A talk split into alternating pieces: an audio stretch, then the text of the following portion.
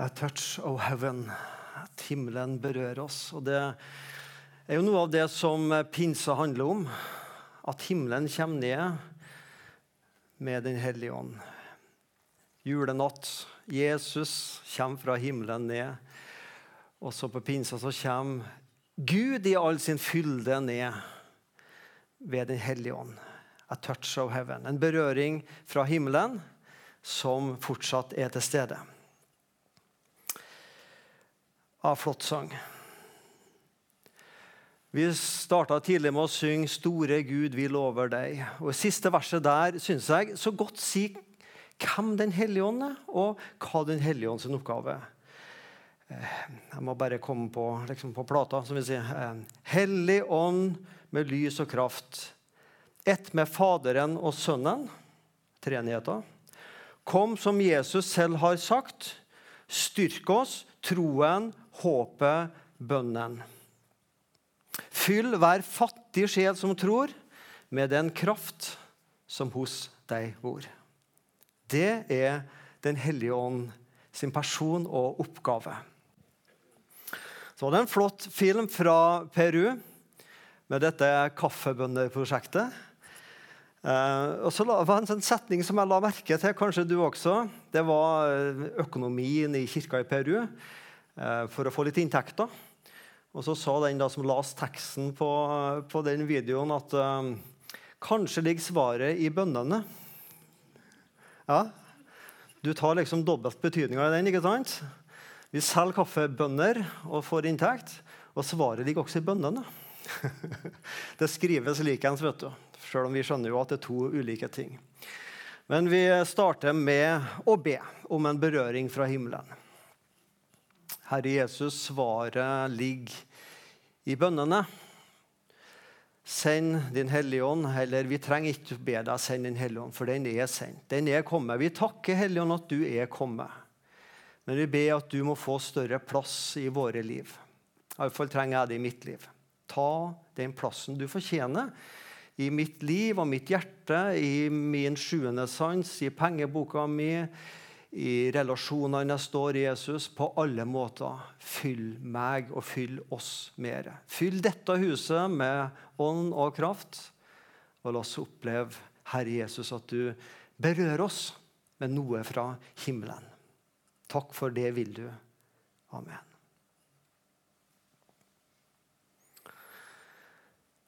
Jeg har kalt dagens preike at Den hellige ånd blæser oss, eller blåser oss. Blæser oss, det er trøndersk. Blåser oss til unådde folkeslag. For pinse for meg, og sikkert for deg også, det er i alle fall to stikkord. Det er Den hellige ånd, og det er misjon. Vi sier ofte at eh, pinsedag er misjons fødselsdag. Hellig ånd ble sendt, og Kraften ble sendt til å gå ut til hele verden. Bildet der tok jeg på en konferanse oppe i Bergen for ett og et halvt år siden, som heter en unådd-konferanse. Eh, og du ser det står med lidenskap for de som ennå ikke har hørt. Det var tre sånne lange plakater. Eh, hver av dem var tror jeg, en tre-fire meter lang. Og den Teksten som du ikke ser, det er navn på alle folkegruppene i verden som fortsatt er unådde. Tre sånne lange bannere med fullt av folk, navn på folkeslag. Ca. 4000 folkeslag i verden i dag. 7000 folkeslag. Det står litt senere i manuset mitt, så jeg skal komme tilbake til det, som ennå ikke har hørt. Det var mektig å se disse bannerne med alle disse folkeslagene. Vi leser tre bibeltekster der vi møter Ånden. Apostlenes gjerninger, kapittel 2, vers 1-4. Da pinsefestens dag var kommet, var de alle samlet på samme sted, altså alle disiplene. Da kom det med ett en lyd fra himmelen som når et veldig stormvær farer fram, og det fylte hele huset der de satt. Og det viste seg for dem tunger like som av vill, som delte seg og satte seg på hver enkelt av dem. Da ble de alle fylt av Den hellige ånd, og de begynte å tale i andre tunger, alt dette som Ånden ga dem å tale. Apostelens gjerninger, kapittel 1, vers 8. Dere skal få kraft i det Den hellige ånd kommer over dere. Dere skal være mine vitner både i Jerusalem, i hele Judea, i Samaria og like til jordens ende. Og et vers fra Zakaria kapittel 10, vers 1, som ikke direkte snakker om Den hellige ånd, men som snakker om været i overført betydning. Be Herren om regn når tiden for vårregnet er inne. Det er Herren som skaper uværsskyer og gir menneskene regnskyld, så de får vekster på marken. Jeg tror de fleste nordmenn ble motsatt. Gi oss ikke regn, men sol. Men for dem som bor nede i Midtøsten, der det er steikende varmt, så er det regnet man ber om. Det skjønner vi. Hvorfor har jeg tatt dette med? Jo, Den hellige ånd blir ofte framstilt som en vind. Og vind, luft, kan skape bevegelse. Og Den hellige ånd på en måte blåst disiplene ut fra Jerusalem til Samaria, til hele Judea, til Samaria og like til jordens ender. De ble sendt ut, de ble på en måte blåst ut. Vind, regn, avgjørende for liv. Jeg har ikke sett dere sånn direkte sjøl med egne øyne, men noen har på en måte vært i en ørken og sett når regnet kommer, på hvor kort tid en ørken gjøres om til en oase når regnet kommer. Der vind og regnet kan være bildet på kraften i kristenlivet, Den hellige ånd. Fra et tørt kristenliv til kraft, til glede, til frimodighet. Fra ei innestengt tro til ei utadvendt, frimodig kristentro. Vi må be at Herren på nytt sender vårregn og vind over oss i overført betydning. Apostelens gjerninger, kapittel 4, vers 12. Det er ikke frelse i noen annen. Finnes ikke noe annet navn enn Jesu navn, gitt under himmelen, gitt blant mennesker, som vi kan bli frelst ved. Det er ikke frelse i Muhammed sitt navn eller en hinduistisk gud sitt navn. Det er kun frelse i Jesu navn. Verden er helt avhengig av at vi på en måte er med og får Jesu, blæs Jesu navn ut over i verden. Det er kun ett navn som kan frelse de unådne hedningene. Det er vers 12 i kapittel 4. Et vers som jeg tror de fleste kristne kan utenat. Og Så kommer det et interessant vers etterpå, vers 13. Det er altså Peter Johannes som vitner da, eh, at det er ikke noe frelse i noen annen enn Jesus. Og så på en måte møter vi de jødiske lederne sin reaksjon. Men da de så Peter og Johannes sin frimodighet og skjønte at de var ulærde lekfolk, undret de seg. De kjente dem igjen de hadde jo vært sammen med Jesus. Det verset der er ganske interessant. Hemmeligheten til et frimodig kristenliv som Peter og Johannes hadde, de hadde vært sammen med Jesus. De hadde opplevd pinsedag og fått åndens kraft over seg. Og de hadde vært sammen med Jesus. De jødiske lederne undra seg hvordan kan dere være frimodige som har vært sammen med Jesus, han som vi korsfesta, han som er forhatt av oss. Men det er jo hemmeligheten. At de er så frimodige, for de har vært sammen med Jesus Kristus. Og så står det et interessant uttrykk. De var ulærde lekfolk. Og jeg og flere av oss som studerte teologi, vi er så heldige eller, ja, jeg skal kalle det, men at vi, vi måtte lese gresk, som Nytestamentet er skrevet på. Ulærde lekfolk. Og Vi i Misjonssambandet så vi er jo stolt over å være en sånn lekmannsbevegelse. Men det er ikke sikkert vi er like stolt over det greske ordet for lekmann. For det greske ordet for lekmann er idiotes, altså idiot på godt norsk. Det står at de var ulærde idioter, hvis du skal oversette det sånn. For det var iallfall to typer mennesker. Det var de som var ulærde lekfolk. De var idiotes. I motsetning til dem som bodde Og de var gjerne hedninger som bodde ute på landet. De var ulærde. Men så hadde du da det lærde som bodde i byene. De var politis, altså det vi da kaller politikere. De bodde i byen polis og var politis. De var lærde. Mens hedningen ute på landet var en ulærd lekmann var en idiotes. Så vi har altså en lekmannsbevegelse, en idiotbevegelse. Og vi er stolte over det. Du tok den. Men her ligger, her ligger hemmeligheten, kjære, gode menighet. Hvis Guds rikets framgang kun skal være bygd på at det er lærde teologer som reiser ut, så vil det bli veldig begrensa. Men hemmeligheten til kristendommens vekst er at dem som hadde møtt Jesus og kjente at ånden virka i dem, vitna om det de hadde sett og hørt, sjøl hvor ulærd og hvor lekmann og kvinne man var. Så delte man troa. Sånn gikk kristendommen fram. Så Gud velsigne hver enkelt idiotes lekmann og lekkvinne. Pinse alle, hele, total, altomfattende. Hva mener jeg med det? Det står da ble de alle fylt av Den hellige ånd. Ikke bare de mest åndelige, ikke bare de mest frimodige, men alle ble fylt av Den hellige ånd. Ånden fyller alle troende, og etterpå så forkynner alle om Jesus. Bibeltekstene for pinsedag har en totalitet i seg. Alle troende er samla. Alle blir fylt av Ånden. Gud fyller hele huset. Hele Ånden gis, ikke bare 40% men hele Ånden. Og alle folkeslag som var i Jerusalem denne dagen, fikk høre evangeliet bli forkynt på sitt eget språk. En totalitet. Alle, hele, altomfattende. Den hellige ånd er for alle troende, uansett sosial status, kunnskapsnivå, kort eller lang tid som kristen. Ånden er total og altomfattende. Hvem kan stoppe vinden? Den fyller alle troende.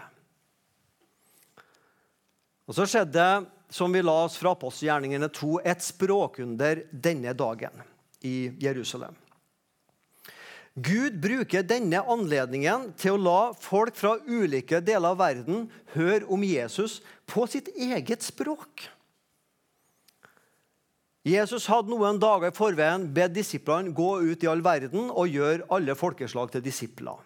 Det vi kjenner som misjonsbefalinger. Så reiste Jesus til himmelen, gikk det ti dager, og så er vi på pinsedag. Og Nå kommer Ånden over alle troende. Og så hører de som kommer tilreisende fra Roma og fra Nord-Afrika og fra Kasakhstan Jeg vet ikke hva de forskjellige landene heter på den gangen. Som på en måte kommer til Jerusalem. De hører altså disiplene snakke sitt språk. Jeg tok gresk og hebraisk eksamen en gang. Jeg skulle gjerne ønske at det var kommet sånn åndens eh, over meg, og at jeg fikk det der og da. Og Mange misjonær reiste nok ut med håp om at Gud skulle gi dem kinesisk. og jeg vet ikke hva slags språk det var der og da når de kom ut. Men eh, det er jo ikke sånn det fungerer. Vi må nok lære oss språket. Pugging av bokstaver og ord. Gud gjør et språkunder. Og hadde det vært nordmenn til stede i Jerusalem denne første pinsedag, så hadde Den hellige ånd snakka uh, trøndersk, nei, men norsk. ikke sant? Da hadde han snakka norsk, så de forsto det. På en måte er pinsedag det motsatte av Babel. Der Babel, for, der Gud forvirrer folkene og gir dem øh, på en måte sprer i mange øh, forskjellige språk, så er pinsedag Der får man høre det samme evangeliet på sitt språk, og på en måte Gud samler igjen alle språk om evangeliet. Babel sprer, pinsedag samler.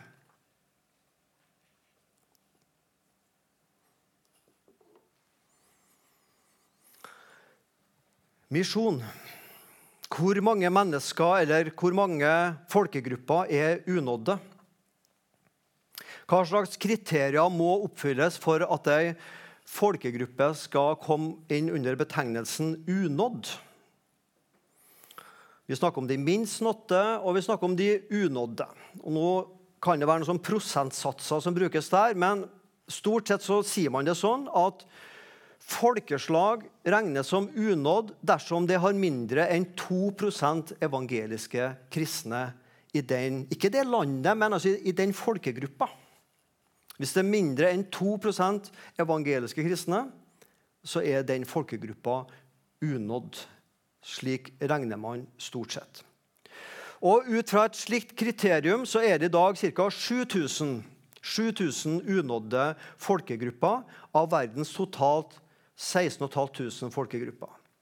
Og dette utgjør 40% av jordas befolkning. Altså ca. 3 milliarder mennesker er i dag unådde med evangeliet. De har altså ikke muligheten å bli kjent med Jesus Kristus. De har ikke muligheten til å si nei en gang til Jesus Kristus. Nordmenn kan si ja eller nei, men de har ikke muligheten til det engang. Nå var ikke det så veldig fristende, men du skjønner poenget. Så sjøl om det blir flere og flere kristne på jorda, så blir det samtidig flere og flere som ikke kjenner Jesus, fordi folkeveksten er så stor. Og Her ser dere jeg har tatt opp et bilde um, som jeg fant, med oversikt over de minst nådde, eller de unådde folkegruppene. Uh, der sirklene da er større etter der det er mange folkegrupper som er unådde. Og Det landet i verden som i dag definitivt har flest unådde folkeslag, er India.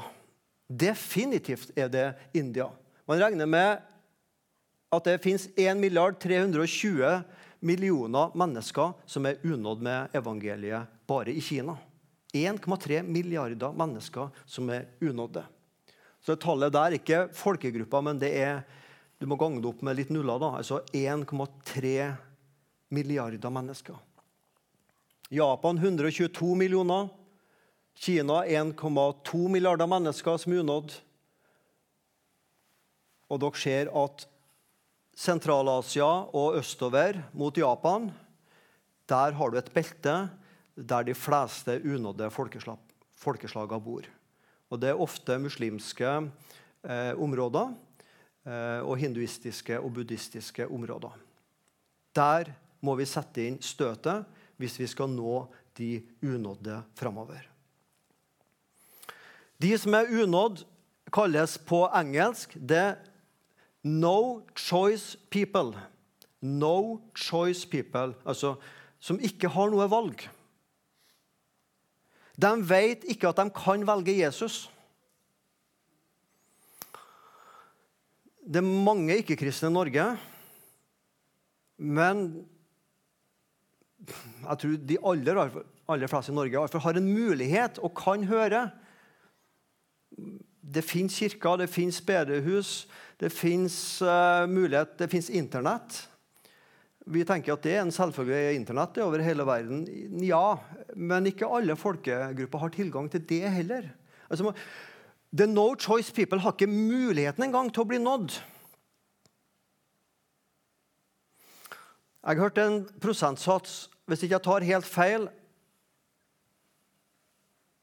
at det var ca. 95% så det med lite av salt. Det kan være 98 det kan være 90% Men rundt 95% av dagens buddhister og hinduister vil ikke i løpet av sitt liv møte en eneste bekjennende kristen.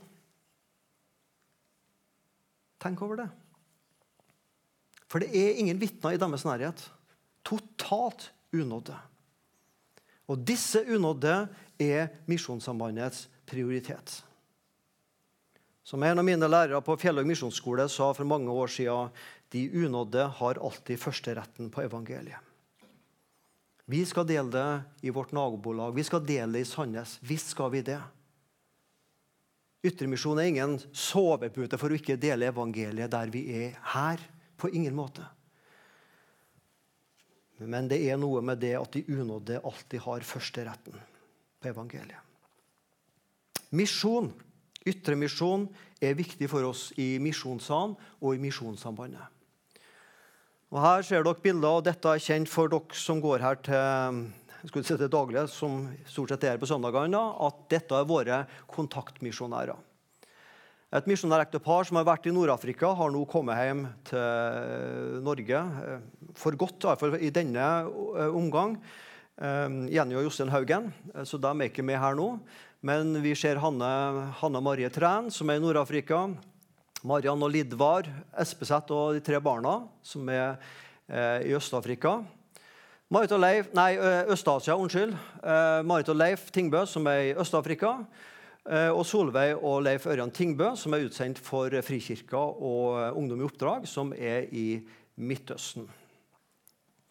Vi regner også dem med, for han Leif, Leifus som vi sier, han er jo vokst opp her i Misjonssalen. Så vi er også med og ber for deres familie.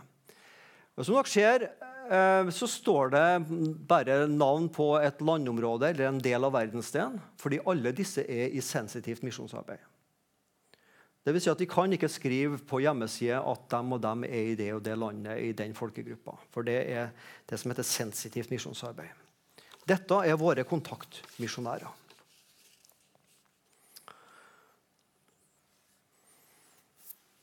Nå skal vi en del hundre år tilbake i tida. Har du hørt, om, har du hørt begrepet drivemunker? Nei, det ristes hodet her. Nå har du hørt om det. Og nå skal du lære hva en drivemunk var for noe. Dette dette er faktisk eh, eh, Ikke morsomt, først og fremst, men det, det er interessant. Eh, jeg googla dette, så nå skal jeg lese noe som jeg fant, eh, fant på Internett, da, for å si det sånn. Et fored, eh, det- jeg skal ikke holde et helt foredrag, men noen setninger fra et foredrag, foredrag fra Selja-konferansen i 2010. Og Der ble det sagt så følgende av en spesialist da, på dette her om drivemunker. Jeg. En særegen form for sjøveis ferdsel kom til å spille en rolle i misjonsarbeidet. Fenomenet er merkbart så tidlig som på 500-tallet, men blir særlig tydelig på 700-800-tallet. Det er sjøfarende munker fra irsk-keltiske kirker som legger ut på dristige seilaser i det nordlige Atlanterhavet. Ofte i åpne, små skinnbåter, og som etterlater seg spor på de mest fjerntliggende og utsatte steder. De brøt opp fra det kjente og trygge og lot strøm og vind og gjennom dette elementets herre bestemme hvor de havnet, og hva som videre ble deres skjebne. Siste setningen leser en gang til.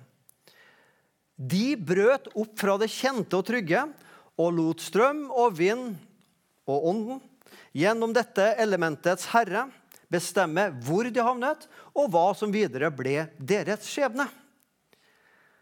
Så kanskje hadde de noen sånne store båter, dro ut en plass på Atlanterhavet, satt ut sånne små båter med en munk oppi, og så Ja.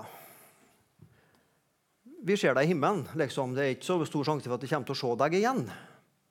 Så får eh, Gud bestemme, og vind og vær bestemme hvor du havner hen.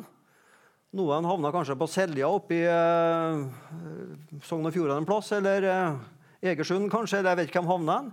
Og der de kom, begynte de å plante Guds menighet og vitne til disse hedenske nordmenn, vikingene, om hvite Krist.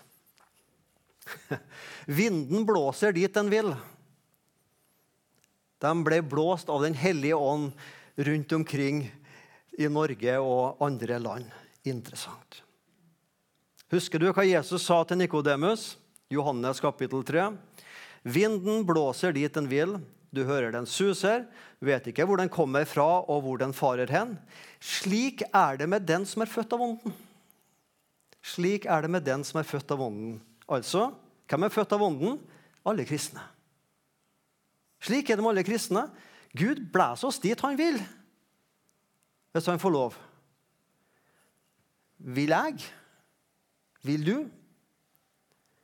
Jeg liker gjerne å ha kontroll i livet. Jeg vil gjerne bestemme hvor jeg skal være og bo. Jeg liker forutsigbarhet og planlegging. Gjør kanskje du også.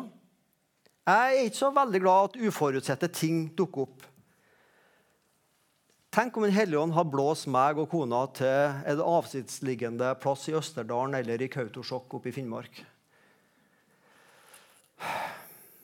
Ja, Du skjønner poenget. Er vi villige? Vi ber om vekkelse. Vi hører om det som skjer på Vigeland. Det som er med vekkelse Gud sender det når, hvor og hvordan han vil.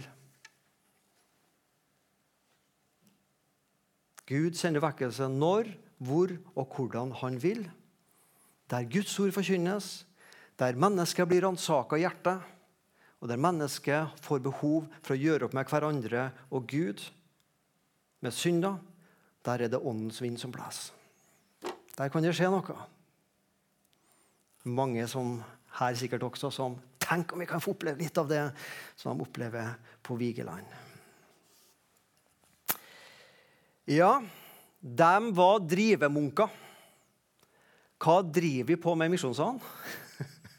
Er vi noen drivemunker? Hva driver vi på med? Vi må jo ha noe planlegging. Vi må jo legge noen strategier. Vi må jo legge en møteplan. Vi må jo gjøre noen avtaler. Vi må jo liksom lage et, planlegge et godt opplegg for barna når de er på søndagsskolen eller yngre. Så hva det er. Selvfølgelig. Men hva driver vi på med? Vi skal ikke bare drive tilfeldig. Men samtidig med god planlegging så må vi være villige til å bli drevet av Ånden der Han vil ha oss. Og Jeg tror at Misjonssambandets historie på mange måter er en kombinasjon av planlegging og av å være en del drivemunker. Det ble planlagt, Man ble drevet av ånden til å starte i Kina 1891. Man planla og man drev et godt arbeid. Og Så ble det stengt 1948 med Mao Zedong og kommunistene. Og på en måte så ble man drevet videre. Japan, Taiwan, Tanzania osv. Gud rørte ved generalsekretær Granhagens hjerte. Han var i London og hørte et foredrag om Mongolia. Dette landet som akkurat var blitt fritt for Sovjetunionen. Det var en håndfull kristne der man visste om. Og så på en måte ble, ble hans hjerte drevet dit, og han sådde en brann i Misjonssambandet. Vi må til Mongolia. Og etter noen år Vi skal til Nord-Afrika. Jeg tror det er en blanding av å bli drevet av Ånden, og at Ånden også vil at vi skal planlegge godt for misjonen. Ta med deg dette bildet av drivemunk. Så får vi spørre oss hva driver på med, og hvor vil du, Hellige Ånd, drive oss hen? Til slutt Hvor lang tid tar det før alle har hørt om Jesus Kristus? Jeg sa eh, for ikke lenge siden at det var ca. 3 milliarder mennesker av jordens 8 milliarder mennesker som fortsatt er unådde. Hvor lang tid tar det før alle har hørt om Jesus? Er du glad i matematikk? Ingen er det? Nei, men da skal vi regne litt. Noen har hørt dette før, men eh, du har ikke vondt av å høre det igjen. La oss si det sånn at i dag så er det kun jeg som vet om Jesus Kristus her på jorda. Dere hedninger vet ingenting om Jesus. Det er kun jeg som vet veien til himmelen og Jesus. Og I dag så forteller jeg det til Bjarne. Hvor mange er vi da? Er vi to? Har vi to som vet om Jesus? Og I morgen så blir Bjarne og jeg enige om at vi forteller det til én person hver. Ja, Anita og Gunnar for eksempel, var laglig til for hogg Så i morgen, på dag to, er vi fire som vet om Jesus. Så blir vi fire enige med at på dag tre så forteller vi det til én ny. Så på dag tre er vi åtte. Det er langt opp til åtte milliarder fra åtte. Og dag fire er vi 16, og så blir vi 32. Og så vet du at neste tall er 64, osv. Hvis det dobler seg sånn hver dag 1, 2, 4, 8, 16, 32, 64, 128, 256 osv. Hvor mange dager tar det før hele Sandnes befolkning på ca. 80 000 mennesker har hørt om Jesus?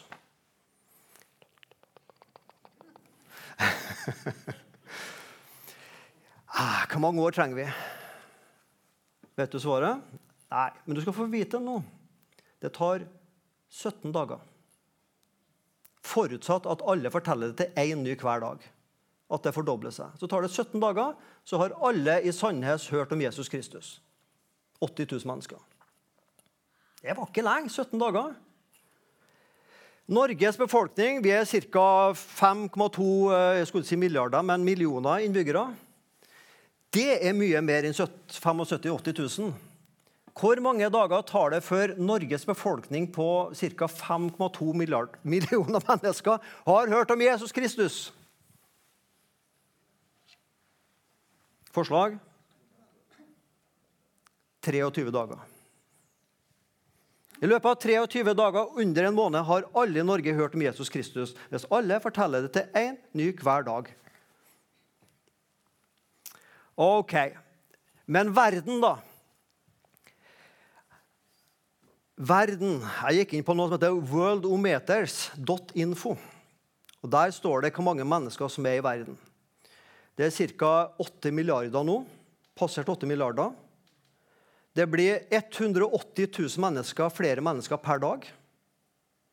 Ca. 67 millioner flere på jorda hvert år. Men det er altså ca. 8 milliarder mennesker i verden i dag. Hvis det starta med en som fortalte til sånn. Også, ikke sant? Det tok 17 dager Sandnes, 23 dager Norge. Hvor mange dager tar det før hele verdens befolkning på 8 milliarder mennesker har hørt om Jesus, hvis vi deler det til én ny hver dag? Hvor mange uker, måneder, år tar det? Svaret er 34 dager.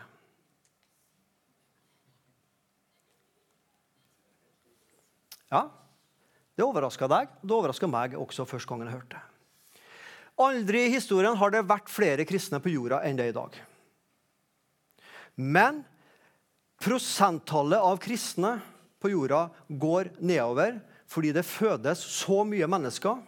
Det fødes flere enn, prosentvis flere enn det prosentvis blir kristne. Og de som har, måte, driver med fremskriving av tall, hvordan vil det se ut i framtida, har sett på veksten i kristendommen. Det går oppover, men islam går mye kjappere. I 2050 vil det være flere muslimer enn kristne på jorda. Hvis utviklinga fortsetter som i dag.